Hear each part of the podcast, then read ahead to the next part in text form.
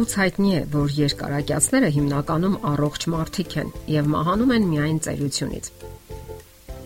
Նրանք վստահեցնում են, եթե մարդը սնվի ճիշտ եւ վարի առողջ ապրելակերպ, կապրի 100 եւ ավելի տարի։ Կյանքով ապացուցված այս ճշմարտությանն են հանգել նաև ամերիկացի եւ ռուս գիտնականները տևական հետազոտություն կատարելով Աբխազիայի երկարակյացների շրջանում։ Ասենք որ գիրությունը կարճացնում է մարդու կյանքը 10-ից 12 տարով գիրությամբ տարապող մարդկանց համեմատ 45 տարեկանից բարձր տարիք եւ նորմալ քաշ ունեցող մարդկանց մոտ մահացության տոկոսը երկու անգամ պակաս է։ Երկարակյացները գտնում են, որ երկար ապրելու համար անհրաժեշտ է սնվել ճիշտ նույն ժամին, ուտել լավ տրամադրությամբ։ Եթե մարդը հոգնած է, բարկացած նյարդերը լարված են, պետք է մի փոքր հանգստանա։ Ուտելու ժամանակ չպետք է խոսել աշխատանքի կամ տհաճ գործերի մասին։ Թերթ կարդալ. Կամ ինչ որ բան նայել, քանի որ դա խանգարում է մարսողական հյութերի բնականon արտադրմանը եւ սննդի ճիշտ յուրացմանը։ Ասենք որ սննդի լավ մարսմանը նպաստում են հանգիստ իրադրությունը, լավ սպասքավորված սեղանը, հաճելի երաժշտությունը։ Համեղ կերակուրը հարկավոր է վայելել։ Սնունդը պետք է լինի ախորժաբեր։ Համեղ կերակուրը բարենպաստ է ազդում նյարդային համակարգի գործունեության վրա։ Ինչպես ասել է Պավլովը, ախորժակը հյութ է մարմնի համար։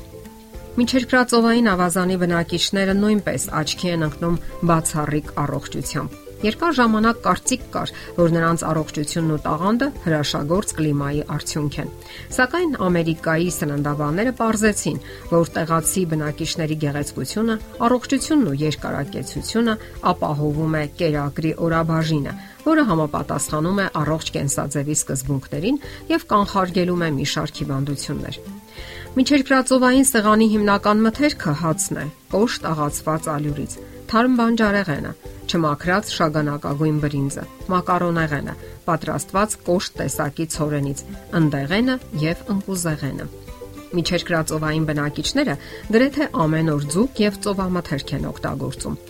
Ձուկը մեծ քանակությամբ կիսահագեցած ճարպաթթուներ է պարունակում, որը պաշտպանում է սիրտանոթային հիվանդությունից եւ ամրացնում նյարդային հյուսվածքը։ Այդ երկրի բնակիչները կրեմով թխվածքների փոխարեն հաճախակի թարմ կամ խորոված մրգեր են օգտագործում։ Միջերկրածովային խոհանոցի գաղտնիքներից մեկը ձիթապտղի յուղն է։ Այն ավելացնում են գրեթե բոլոր ճաշատեսակներին։ Ձիթապտղի յուղը խթանում է մարսողությունը եւ ակտիվացնում լյարդի աշխատանքը։ Այն մեծ քանակությամբ եւ վիտամին է պարունակում։ Խոհանոցում շատ են օգտագործում թարմ եւ չորացրած խոտաբույսեր։ Երկարակյացները գտնում են, որ հաճախակի պետք է կատարել ֆիզիկական աշխատանք, որը նվազագույնի է հասցնում հոգեկան ու նյարդային լարվածությունը։ Կարևոր է նաև ամբողջ կյանքում նույն տեղում, նույն վայրում ապրելը եւ սիրած նախընտրած աշխատանքով զբաղվելը։ Ավելացնենք նաև, որ ռուս եւ ամերիկացի գիտնականները ուսումնասիրության արդյունքում ողրզել են, որ երկարակյացներին հատուկ է բարեհոգությունը, լավատեսությունը, նրբազգացությունը, ազգակցական կապերի եւ ավանդույթների նկատմամբ խոր հարգանքը, բնական կենսուրախությունը եւ եռանդը։ Նշանաբուր հոգեբույժ դոկտոր Մաքս Լերին գրում է. Գոյություն ունի հոգեկան առողջություն այնտեղ, որտեղ բացակայում են բարոյական բարձր չափանիշները։ Ասենք որ երկարակյաց մարդիկ նաև ստեղծագործական բնույթ ունեն։ Նրանց մեջ կա սովորելու մղում եւ ցանկություն ցանկացած տարիքում։ Վերջերս համացանցում նյութ կարդացի Ռոզի անունով մի 84 տարեկան կնոջ մասին, ով քննություն էր հանձնում համալսարանում սովորելու համար։ Լրագրողի այն հարցին, թե ինչն է այդ անմեղ տարիքում նրան բերել համալսարան, նա պատասխանում է. Ես միշտ երազել եմ բարձրագույն կրթության մասին եւ ահա այստեղ եմ։ Ռոզին դարձավ գրեթե բոլոր ուսանողական հավաքների հոգին։ Բոլոր ուսանողները սիրով շփվում էին նրա հետ, ոչ մի բացասական բան ցույց չտալով նրա հանդեպ։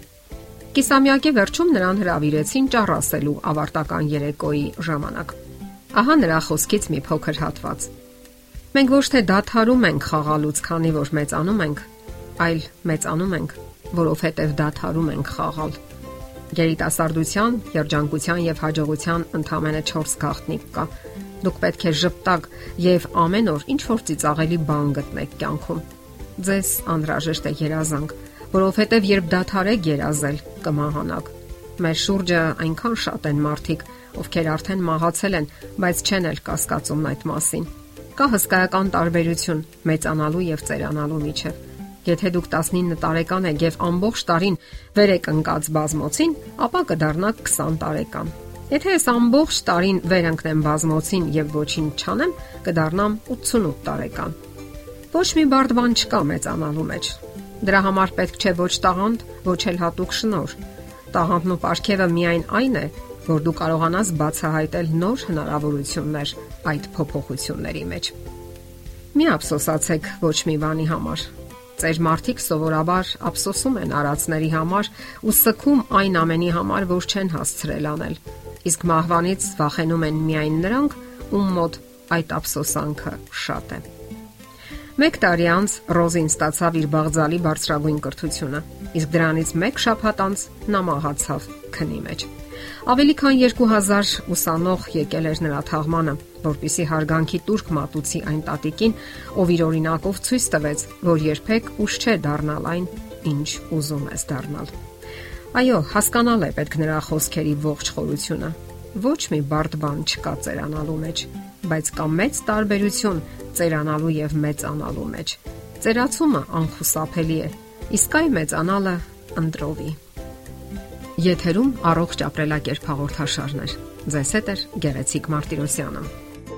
Հարցերի եւ առաջարկությունների դեպքում զանգահարեք 094 08 2093 հեռախոսահամարով։ Հետևեք մեզ hopmedia.am հասցեով։